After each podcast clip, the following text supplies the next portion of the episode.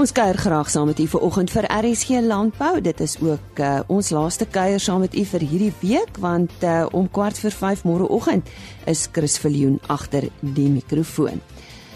Ons uh, praat oor pynbeheer by vee en waarom dit so belangrik is om dit ook in gedagte te hou.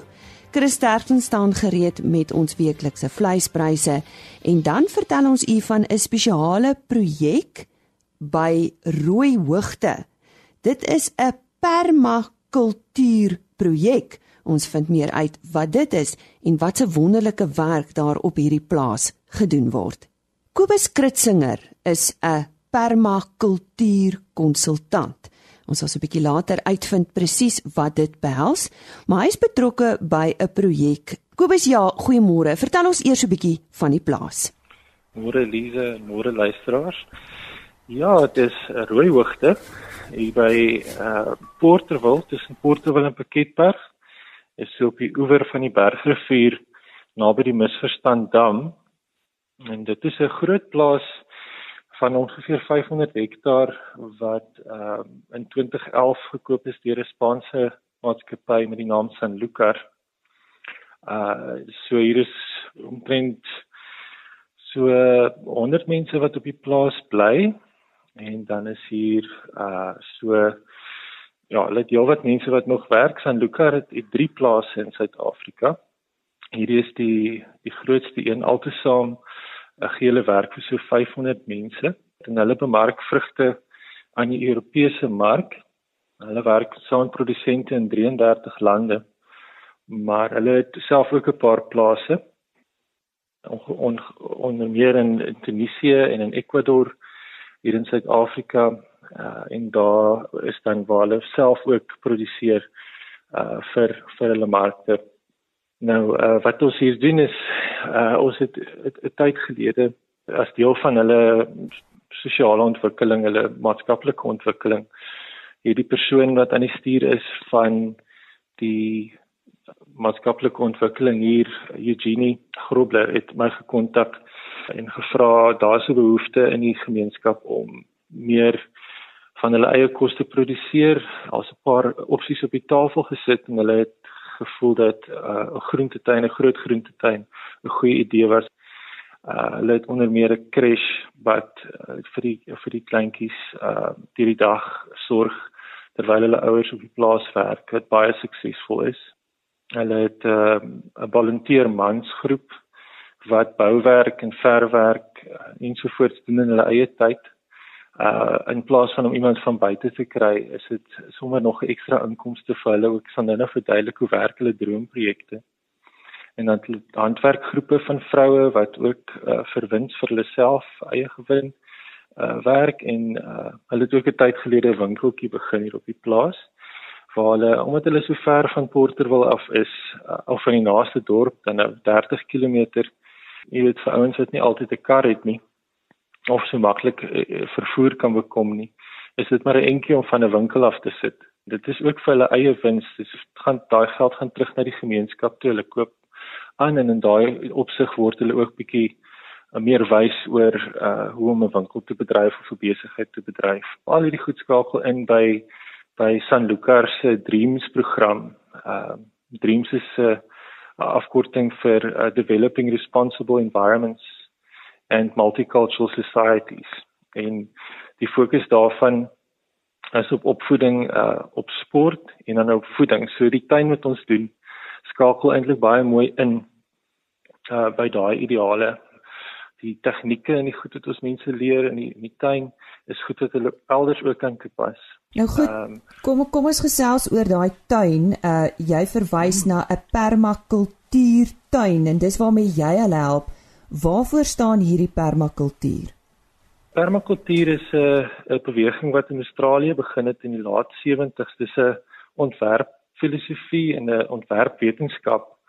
Uh so stelsels word ontwerp om die minimum energie insette vir die maksimum uitsette te hê. Ons gaan kyk na natuurlike stelsels, na ekosisteme en dit is dan ons voorbeeld is en dit doen as 'n inspirasie vir 'n goeie ontwerp.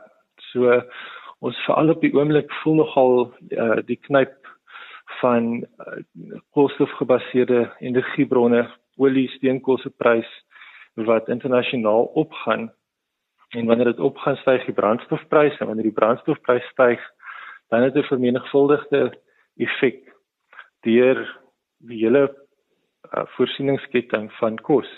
So jou produksiekoste gaan op, vervoer se koste gaan op, verkoeling, verpakking ensovoorts. Elke keer gaan hulle elkeen 'n bietjie op en op die ou ende kos voedsel baie meer. So die die hele uh, beginsel waar rondom permaculture ontstaan het of permakultuur en ontstaan het is om uh die in, energie insette laer te maak en meer plaaslik te produseer wat jy plaaslik gaan gebruik. Daar is seker koste kweek so naby as moontlik wat jy kan, maar dis ook baie meer as net om 'n groentetuin te maak of uh 'n paar vrugtebome te hê. Dis dit gaan regtig oor hoe jy optimaal ontwerp om die meeste te maak van al die energie-invloede of dit nou die son is of die windenergie wat jou jou eiendom binnekom of dit is um die uitsigte, allerlei uh, elemente wat jy kan gebruik tot jou voordeel en saam met die natuur werk. Om jou eie groentetuin te hê is is 'n klein voorbeeld daarvan om 'n plaaslike produsent te ondersteun. Ehm um, dis nog 'n voorbeeld daarvan. So ehm um, dit gaan maar oor oor energie op die ou ende. Uh. Kom ons gesels oor daai spesifieke tuin nou by hierdie plaas. Uh wat plant hulle aan? Hoe plant hulle dit aan? Um net kortliks vir ons asseblief Kobus. Ja, so met die tuin probeer ons om vir die gemeenskap to toegang te gee tot kwaliteitprodukte teen 'n billike prys. So ek genoem dit oor die winkeltjie. Hulle sukkel op die stadium om om lekker momentum te kry want die winsgrens is maar klein, jong. Hulle wil ook nou nie mense uitbuit nie. So ehm um, ons glo dat die produkte wat uit die tuin kom gaan help dat die winkel bietjie meer tot sy reg kom. Daar word reeds eiers in kool en spinasie, beet, pampoenele klomp goed word nou al reeds geproduseer wat wat winkeltjie toe gaan. Hulle kondig dan nou in die oggend af. Mense kan daar kom kom kom kry in die middag, uh, as hulle sê in die oggend vir hulle wat daar is en in die middag is dit so hier by uitvaltyd vir 'n halfuur is die winkel oop en dan kan hulle nou hulle vars produkte kon kry. Nou die uh, ons het 'n paar vrugtebome geplant en hulle sal eers volgende jaar begin produseer, maar ons is goed aan die gang is. Dis dis alles behalwe 'n konvensionele groentetuin. As jy nou kyk die beddings is op kontuur uitgelê. Uh, die grond word uh, verbeter. Ons gebruik nie kunsmis nie. So ons moet kyk na alternatiewe ehm um, dit word ehm um, bemest deur eh uh, deur hoenders wat vir ons in 'n mobiele hoenderhok op die beddingslands beweeg. Die beddings is uniform. Uh, is 'n 5 meter lange hoenderhok, so ehm um, hulle staan vir so 2 weke op die bedding, dan eet hulle die reste van die plante wat voorheen daar was. Hulle skuif dan aan en ons maak die die beddingkie net bietjie gelyk. Die ons skrap maar net die grondbedekking so bietjie oop en dan plant ons weer in dit in. So uh, daar's baie min energie betrokke, energie wat gespandeer hoef te word uh behalwe om die hoenderhok bietjie aan te skuif van tyd tot tyd. En dan in die rye tussen die beddings is daar walle met laningsvrugtebome, daar's kruie onder, daar's lucering wat dien as hoenderkos. Uh en daar's ander pasmaats ook geplant, geplant vir daai spesifieke bome. Dit is maar 'n uitdaging om die die manne en die tuiniers hier te help verstaan dat ons nie te veel energie gaan mors op die uittrek van onkruid en omspit nie. Die ouens is maar gewoond aan 'n sekere manier van doen. Uh, Kobus verduidelik vir ons uh, hoe belê hulle in die werkers op die plaas. Behalwe vir al die die goed wat ek nou al genoem het vroeër, die pragtige inisiatiewe wat hulle het uh, met hierdie projek spesifiek is hulle baie ehm uh, gestel op die, die onderrig wat die mense ontvang, die die verantwoordelikheid wat mense neem, die eienaarskap wat mense neem van so iets want dit is heeltemal hulle projek. Dis nie uh, asof daar vir vir die die werkers hier op die plaas gedikteer word en en druk op hulle gesit word nie. Hulle verstaan dat hoe beter dit werk vir hulle self, hoe beter gaan dit vir hulle self baat op die einde van die dag. Dis nie iets wat hulle doen vir uh, iemand anders se wins nie. Dis iets wat hulle doen vir hulle eie gemeenskap en vir hulle eie sakke want hulle word uh, ook vergoed vir die tyd wat hulle in die tuin spandeer San Lucar uh die visie om om op ekonomiese vlak ook die ouens se se lewens te verbeter en hulle ehm um, het geld beskikbaar fondse beskikbaar gestel om ehm uh, die ekstra tye wat mense in die tuin werk wat buite hulle werksure val op 'n Saterdag of op 'n Vrydagmiddag wanneer die res van die mense vroeg huis toe gaan dan is daar die ou getroues wat by die tuin opdaag en hulle hulle uh, gereedskap opneem en dan is ons daar in die gang en uh, daarvoor word hulle vergoed per uur en um, dit gaan weer na 'n droomrekening toe. So hulle het 'n nog 'n wonderlike uh, inisiatief op die plaas waar enige ekstra werk wat wat mense vir die plaas doen van hulle eie tyd wat hulle gee, ehm um, word hulle meer vergoed in hulle eie droomrekening in. Daardie droomrekening is ehm um, saam met Eugenie die gemeenskapsontwikkelingspersoon identifiseer hulle vir hulle self 'n droom waarvoor hulle wil spaar ehm um, sê wat oor die tydperk van 'n van 'n jaar of 6 maande en dan ehm um, daai geld wat hulle dan in die tuin verdien gaan dan in daai rekening in sodra dit volgeloop het op die bedrag wat hulle wil hê dan betaal daai geld uit en hulle kan hulle droom bewaarheid. Uh Lise dan is daar ook heelwat van die seuns en die dogters hier op die plaas wat graag op 'n Vrydagmiddag of 'n Saterdagoggend of in die vakansies is hulle maar taamlik verveeld. Uh dan dan kom help hulle graag vir ons in die tuin en ons het nou al so 'n groepie uithouertjies, vasbuitertjies en um, as hulle nou 'n sekere aantal uur vir ons gehelp het hulle in die tuin, dan word hulle 'n garden warrior. Ons lyf hulle dan in en hulle is ehm um, hulle kry dan toegang tot allerlei lekkernye. Ons gee hulle pet met 'n logoetjie op en ons gee hulle ehm um, dalk 'n uitstappie nou en dan en uh, hulle kry ook 'n 'n klein token vir die tyd wat hulle in die tuin vir ons help uh, en dit word weer by die winkel vir hulle opgesit as krediet.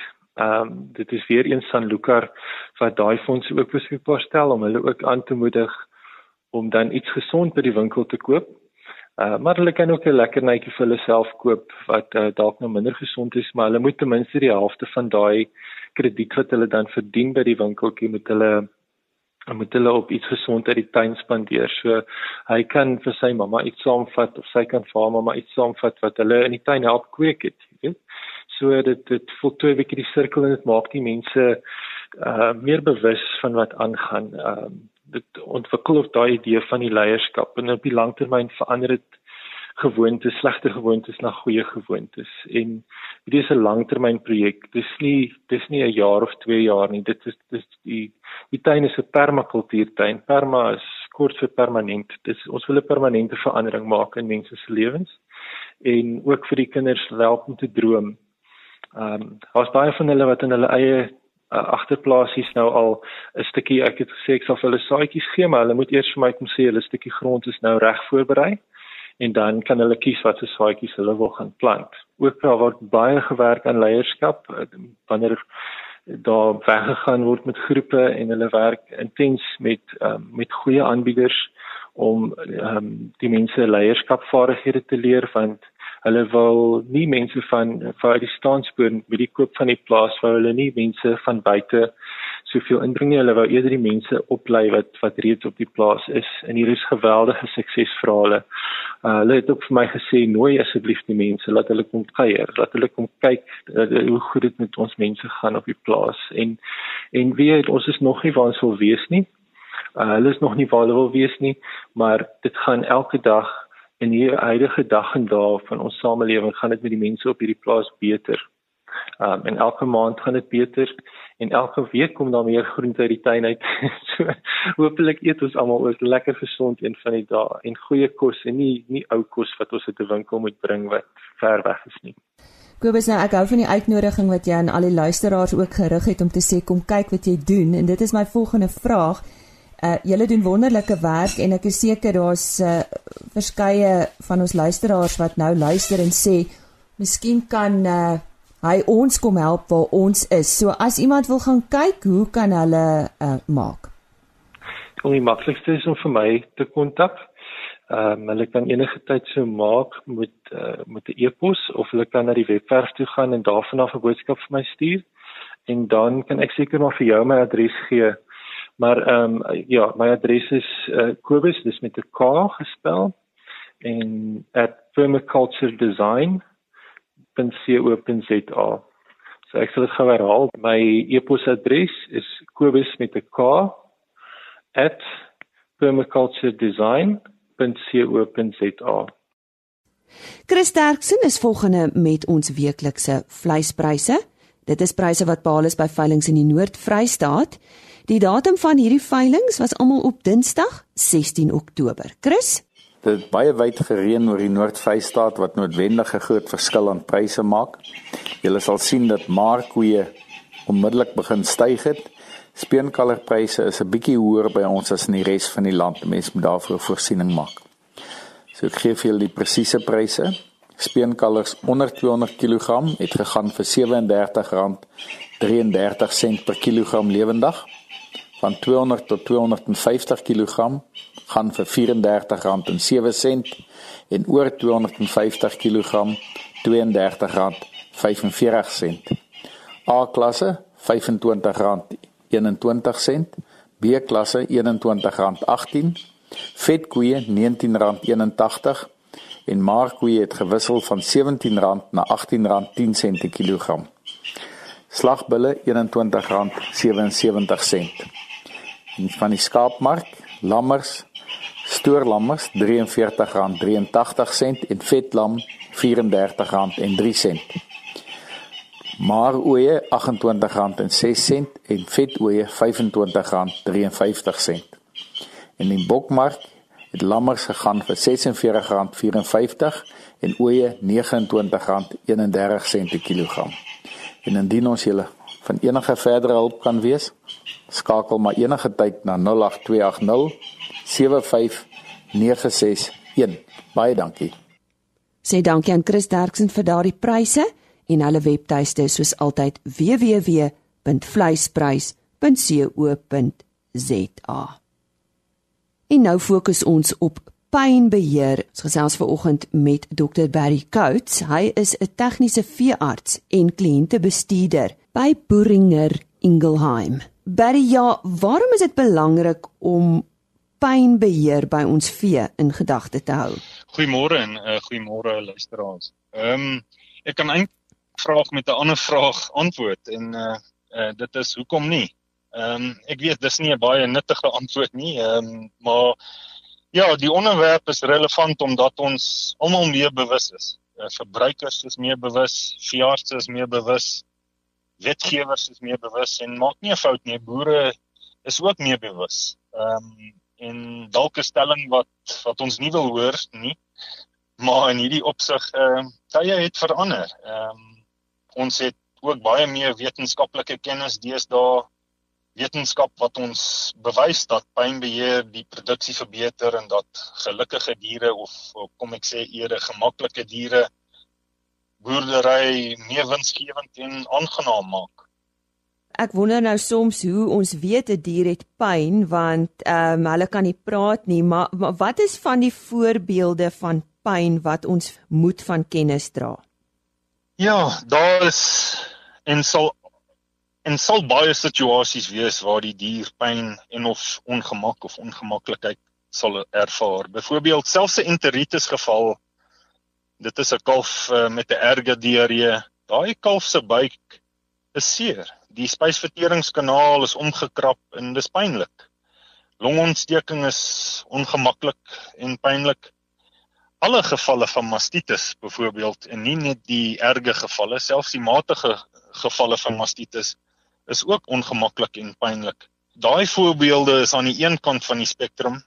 Op die ander kant lê die kastrasies. Ehm um, sterte wat afgesit word. Ont onthoringsproses, brandmerking. Daai prosedures is is baie pynlik. Onthou teen die tyd dat 'n die dier pyn toon, is dit al lankal pynlik uh, en of dit is maar net baie baie pynlik. En 'n mens is geneig om om te sê dis vir jare en generasies so gedoen sonder 'n pynstiller en ons moet probeer. Ehm um, ek sê probeer om daai mindset te verander. Uh, dit is nie meer so nie. Ehm um, selfs in lande soos Kanada, Australië, Nieu-Seeland waar daar groot veekuddes is, beeste, skape, bokke en selfs deesdae Argentinië en ons het gesien uh, op die rugbyveld hoe rough en tough daai ouens is.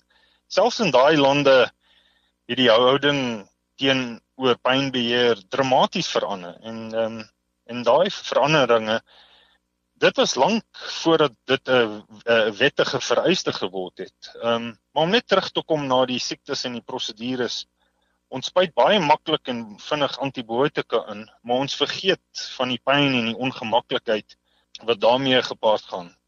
Nou, kom ons praat so 'n bietjie oor die voordele van die beheer van hierdie pyn van ons uh uh vee en uh ons kyk so 'n bietjie verder ander kan die emosionele en die filosofiese aspekte daarvan. Ja, eerstens en dit is die emosionele of 'n filosofiese uh, uh voorbeeld, maar eerstens die diere gaan meer gemaklik of gelukkig wees en uh dit moet 'n goeie ding wees. Dit kan nie 'n slegte ding wees nie. Dit moet 'n goeie ding wees. Maar tweedens, daar's amper altyd produksievoordele. Ehm um, nie altyd nie, ehm um, maar baie van die tyd ehm um, is daar uh, definitief produksievoordele meeste van die tyd. Byvoorbeeld kalvers ehm um, wat onthoring word doen baie beter in terme van eetlus en groei tempo as hulle met 'n langwerkende anti-inflammatoriese middel net voor die tyd gespuit word. En en dit is net een voorbeeld. On, ons sien baie dieselfde resultate met ander siektes soos longontsteking, mastitis en dan uh selfs mankheid en brandmerking. Ehm um, derdens baie van die siektes of uh, toestande byvoorbeeld enteritis wat nou die uh, fancy woord is vir kalwediarree, mastitis, longontsteking veroorsaak uh, orgaanskade. So om 'n moderne langwerkende anti-inflammatoriese middel ehm um, beskerm 'n mens daai dier se organe terwyl die antibiotika sy werk doen. Maar dit gee ook pynverligting. Onthou iets soos 'n kortison is 'n baie goeie anti-inflammatoriese middel, maar het uh, geen pynstillende effek nie en hulle is ook baie baie kortwerkend. Maar dit is waar 'n uh, moderne langwerkende anti-inflammatoriese middel um, inkom. In die vierde plek dit is nie duur nie. Ja, dis 'n ekstra koste verseker, maar dit is nie duur nie. Vir die prosedures waar baie diere behandel moet word, soos by die onthoring en kastrasie en daai prosedures en so voort. Daai diere is meestal die kleiner, jonger diere wat die eh, dosis kleiner maak en die volume anti-inflammatoriese middel ehm um, minder is. Mastitis gevalle byvoorbeeld, ja, dit is 'n groot dier, maar die eh, return on investment is daar. En dan uh laastens, daar is ook 'n kleiner kans dat iemand, al is dit 'n familielid, 'n besoeker of 'n lid van die publiek, boere kan uh, kritiseer. En dit is uh dit moet ook 'n goeie ding wees as jy dit kan vermy. Nou goed, ek is seker jy daagliks te doen met boere wat reeds pynbeheer toepas op die plaas. Wat is die terugvoer wat jy tot dusver gekry het? Ja, so 'n interessante ene. Ehm um, as ek die onderwerp met die veeartse bespreek het, ehm um, baie keer, nie elke keer nie, definitief nie, maar baie keer het hulle vir my gesê dat my kliënte sal dit nooit doen nie omdat dit mee dit mee sal kos of my kliënte sal nie nou na al die jare en generasies vir pynbeheer betaal nie. En ja, Barry, ja, ons aanvaar die wetenskap is daar, die bewys is daar, maar ek gaan sukkel om die boere te oortuig. Maar ek dink is nie altyd die geval nie. Ehm um, want sodra ehm um, die boere 'n uh, ander ingesteldheid of mindset aanvaar en pynbeheer meer wyd toepas, uh, sien hy of sy eintlik met hulle eie oë ehm um, die groot verskil.